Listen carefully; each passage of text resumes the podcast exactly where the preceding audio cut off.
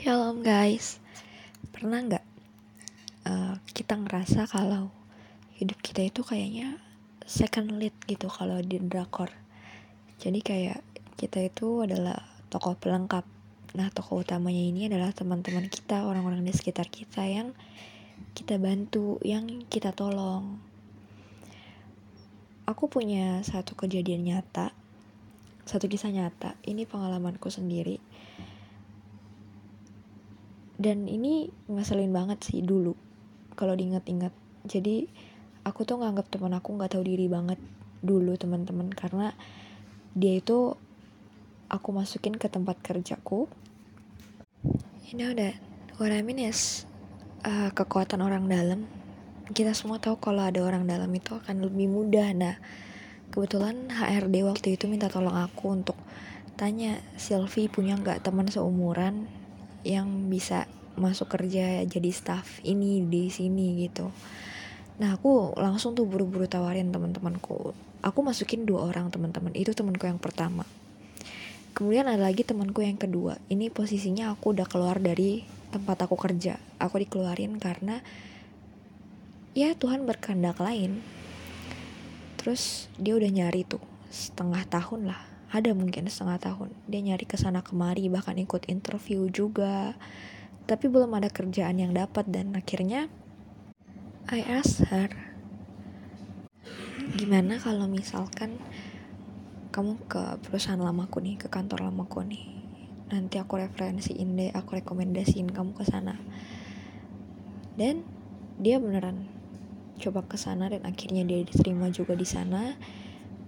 Karena ya masih ada kenalan sama aku gitu.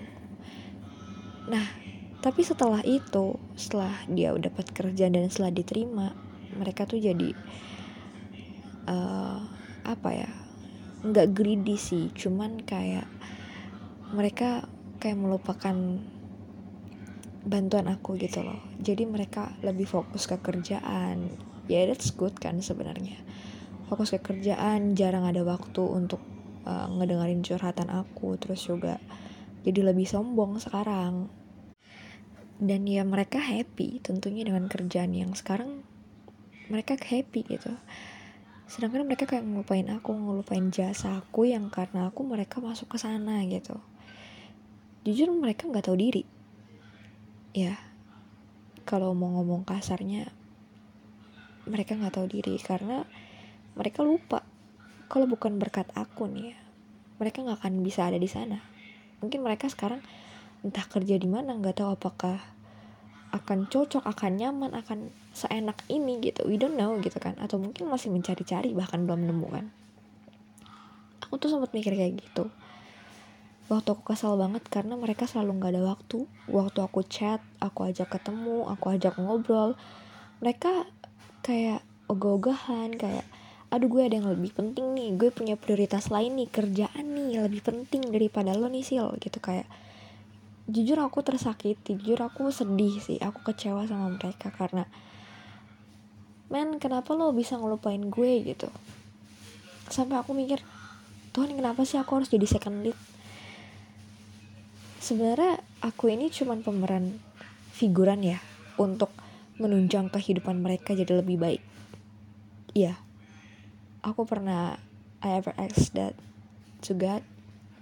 Aku pernah nanya kayak gitu karena saking keselnya mungkin saking emosinya.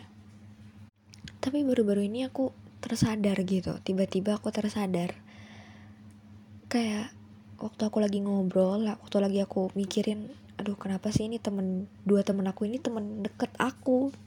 Dua-duanya cewek dan mereka teman deket aku tapi setelah aku bantu mereka untuk masuk mereka malah melupakan aku gitu. Aku sedih terus aku tiba-tiba dapat satu pencerahan kayak gini dari Tuhan teman-teman.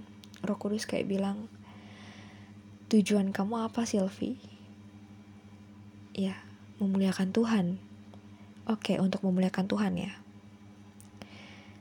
Kamu itu pembawa berkat. Sadari bahwa kamu pembawa berkat Toko utamanya bukan dia, toko utamanya bukan kamu, toko utamanya Tuhan. Kamu perantara dia dan Tuhan. dan Tuhan percaya nih sama kamu Silvi ya kan makanya dititipinlah berkatnya lewat kamu untuk ngasih ke teman kamu itu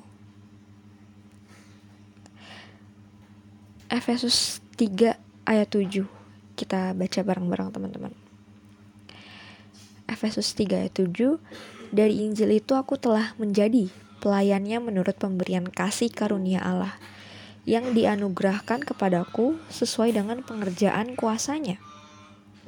Kemudian kita baca lagi di 1 Petrus 4 ayat 10. 1 Petrus 4 ayat 10. Layanilah seorang akan yang lain sesuai dengan karunia yang telah diperoleh tiap-tiap orang sebagai pengurus yang baik dari kasih karunia Allah dua ayat ini punya satu kesamaan teman-teman. Kalau kita baca pelan-pelan, kita akan melihat bahwa dua-duanya ini membahas tentang pemberian kasih karunia yang dianugerahkan kepada kita. Jadi kita ini dipercayakan suatu kasih karunia Tuhan. Karunia untuk apa? Karunia untuk memberkati. Jadi kita nggak hanya menjadi penerima berkat, tapi pemberi berkat, pembawa berkat dari Tuhan tentunya. Dan gak semua orang punya karunia ini. Tuhan bilang ini kasih karunia yang dianugerahkan. Yang artinya Tuhan hanya menganugerahkan karunia ini ke orang-orang yang mau dia karuniakan. Mungkin gak semua orang. Mungkin gak semua orang dapat. Mungkin gak semua orang bisa. Tapi ketika aku bisa, maka itu artinya aku dipercaya Tuhan. Aku dipakai Tuhan. Bukan tujuan kita adalah mau hidup untuk dipakai Tuhan. Tiba-tiba Roh Kudus ngomong kayak gitu dan aku langsung tersentak saat itu. Mindsetku berubah total dari yang tadinya aku berpikir kalau ini teman gak tahu diri, dia melupakan aku, aku adalah second lead, aku gak dipakai Tuhan untuk kehidupan tokoh utama, aku sendiri masih kerja dengan gaji di bawah mereka, tapi mereka bisa lebih nyaman dengan apa ya bantuan aku dan melupakan aku gitu.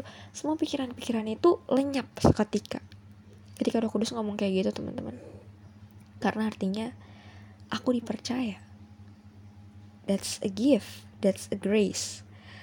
Kasih karunia yang dianugerahkan dan gak semua orang dapat privilege itu kita buka lagi di 2 Korintus 9 ayat 6 kita baca satu pasal coba ya teman-teman. 2 Korintus 9 judul perikopnya memberi dengan sukacita membawa berkat. Oke okay.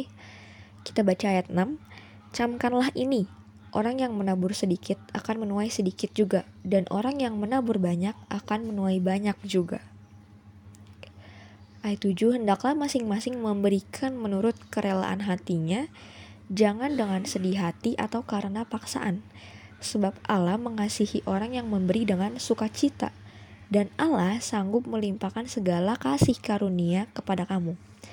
Dibahas lagi kasih karunia kepada kamu di sini, yang artinya kasih karunia itu berarti kita memberikan dengan sukacita. Sama ketika waktu aku masukin nawarin lowongan ke teman aku. Aku melakukan itu dengan sukacita pada awalnya tapi yang membuat aku kecewa pada akhirnya adalah karena kesukacitaanku di awal ketika aku berhasil memberi berkat kepada temanku itu. Dia berubah jadi gak tahu diri lah istilah katanya, jadi gak sesuai dengan ekspektasiku, gak baik. Nah sebenarnya itu adalah pemikiran yang salah, karena artinya apa? Artinya aku masih mengharapkan imbalan dari dia karena aku udah berbuat baik, karena aku udah memberi, akhirnya aku mengharapkan sesuatu yang lebih dari dia. Dan aku gak terima ketika dia melupakan aku. Padahal kan itu hak semua orang untuk berbuat seenak mereka. Mereka gak punya ikatan dengan aku, mereka gak punya perjanjian dan covenant sama aku. So itu totally haknya mereka. Cuman aku merasa gak terima, karena aku berekspektasi lebih saat itu dan aku kecewa karena ekspektasiku kepada manusia. Right? Paham ya sampai di sini? Oke. Okay. Aku juga banyak belajar nih ternyata karena wah tiba-tiba Roh Kudus membukakan mata hati dan mata kepala aku untuk hikmat-hikmat yang sebenarnya hal ini gak penting untuk dipermasalahkan tapi sering banget terjadi dalam kehidupan kita. Ketika orang-orang itu kita kasih ke orang gitu ya terus kita nggak mendapatkan feedback yang baik. Kita udah baik-baikin dia sedangkan dianya malah kasar ke kita jahat ke kita bohongin kita menipu kita. Banyak banget terjadi dalam dunia ini seperti itu karena kita tinggal di bumi. Kita adalah manusia biasa makanya kita harus berhenti untuk mengandalkan dan mengharapkan orang lain. Mereka bisa berhenti mencintai kamu mereka bisa berhenti menyukai kamu tapi kamu bisa untuk memilih memilih untuk tetap mencintai mereka memilih untuk tetap memberi kepada mereka atau memilih untuk membenci mereka. Memilih untuk tetap bersama dengan kekuatan dari Tuhan atau memilih lepas dan berjuang dengan kekuatanmu sendiri life is a choice oke okay? lanjut tadi kasih karunia kepada kamu supaya kamu senantiasa berkecukupan di dalam segala sesuatu dan malah berkelebihan di dalam pelbagai kebajikan. Seperti ada tertulis, ia membagi-bagikan, ia memberikan kepada orang miskin, kebenarannya tetap untuk selamanya. So kita nggak akan berkekurangan karena kita memberi dalam hal apa pun itu. Contohnya dalam hal jasa tadi, dalam hal uang, materi, makanan, dan lain sebagainya. Alkitab yang bilang kayak gitu. Ia yang menyediakan benih bagi penabur dan roti untuk dimakan. Ia juga yang akan menyediakan benih bagi kamu dan melipat gandakannya dan menumbuhkan buah-buah kebenaranmu. Ia juga yang akan memberikan menyediakan benih bagi kamu dan melipat gandakan dan menumbuhkan buah-buah yang di, untuk dimakan. Kamu akan diperkaya dengan segala macam kemurahan hati yang membangkitkan syukur kepada Allah oleh karena kami. Lanjut ayat 12, sebab pelayanan kasih yang berisi pemberian ini bukan hanya mencukupkan keperluan-keperluan orang-orang kudus, tetapi juga melimpahkan ucapan syukur kepada Allah. Dan oleh sebab kamu telah tahan uji dalam pelayanan itu, mereka memuliakan Allah. Karena ketaatan kamu dalam pengakuan akan Injil Kristus. Dan karena kemurahan hatimu, dalam membagikan segala sesuatu dengan mereka dan dengan semua orang. Sedangkan dalam doa mereka, mereka juga merindukan kamu oleh karena kasih karunia Allah yang melimpah di atas kamu. Amin.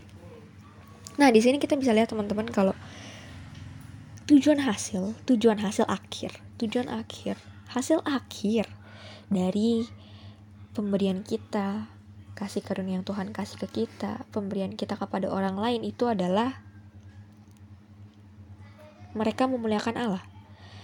Gak menutup kemungkinan ketika kamu tetap memberi, kamu tetap mengasihi, kamu tetap memandang dan menganggap dia sekalipun dia telah melupakan kamu, itu mereka dapat melihat bahwa kasih Kristus itu terpancar dalam dirimu. Kasih karunia Tuhan akan turun atas mereka melalui kamu dan mereka akan merasakan bahwa wah ternyata Sylvie nih baik banget ya dulu.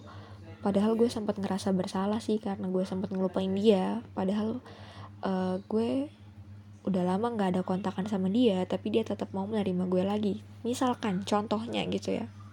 Itu adalah hasil akhir tapi nggak semua bisa mendapatkan apa ya namanya nggak semua bisa uh, berbalik memandang Kristus gitu. Karena banyak orang bebal dan nggak semua orang tuh bisa menerima Tuhan dengan hati yang terbuka dengan ucapan syukur. No banyak orang yang juga masih tetap kurang kurang ajar dan gak tahu diri sekalipun udah kita bantuin gitu ya. Sekalipun tetap kita kasihi dan kita sabar banget. Banyak yang kayak gitu dan tugas kita adalah tetap bersabar adalah tetap melakukan pelayanan pelayanan kasih karena kita punya karunia itu urusan dia datang kepada Tuhan atau enggak, mau menerima Tuhan atau enggak. Itu urusan dia dan urusan Tuhan. Yang penting kita sudah melakukan bagian kita. That's all, teman-teman. Dan aku pengen bacain ayat juga tentang berkat yang kalau misalkan kita merasa kita sebagai pembawa berkat tapi nggak mendapat berkat nih. kita buka di Amsal 10 ayat 22 berkat Tuhanlah yang membuat kaya susah payah tidak akan menambahinya jadi Amsal 23 ayat 4 dan 5 juga disebut teman-teman di sini jangan bersusah payah untuk menjadi kaya. Dapatkan niatmu ini jika terbang mengamat-amatinya, lenyaplah ia karena tiba-tiba ia bersayap lalu terbang ke angkasa seperti Raja Wali. Jadi maksud dari ayat-ayat ini bilang kalau jadi payah kita, rasa khawatir kita, itu nggak akan menambahkan berkat kepada kita. Berkat itu datangnya dari Tuhan. Cuma cuman Tuhan yang bisa ngatur mau ngasih berapapun ke kita itu kehendak dia dan bukan kehendak kita itu adalah perjanjian dia dengan nenek moyang kita atau mungkin karena kemurahannya Tuhan. So good luck teman-teman. Jangan membenci orang-orang yang jahat kepadamu yang gak tahu diri yang kurang ajar. Kayak temanku itu. Kita ampuni mereka karena kita punya tugas yang lebih mulia dan lebih lagi daripada membenci mereka. Yaitu tetap mengasihi mereka dan menunjukkan bahwa Christ is access Tuhan ada di situ. Tuhan ada di kita Tuhan ada di mana-mana. Oke okay, teman-teman Tuhan Yesus memberkati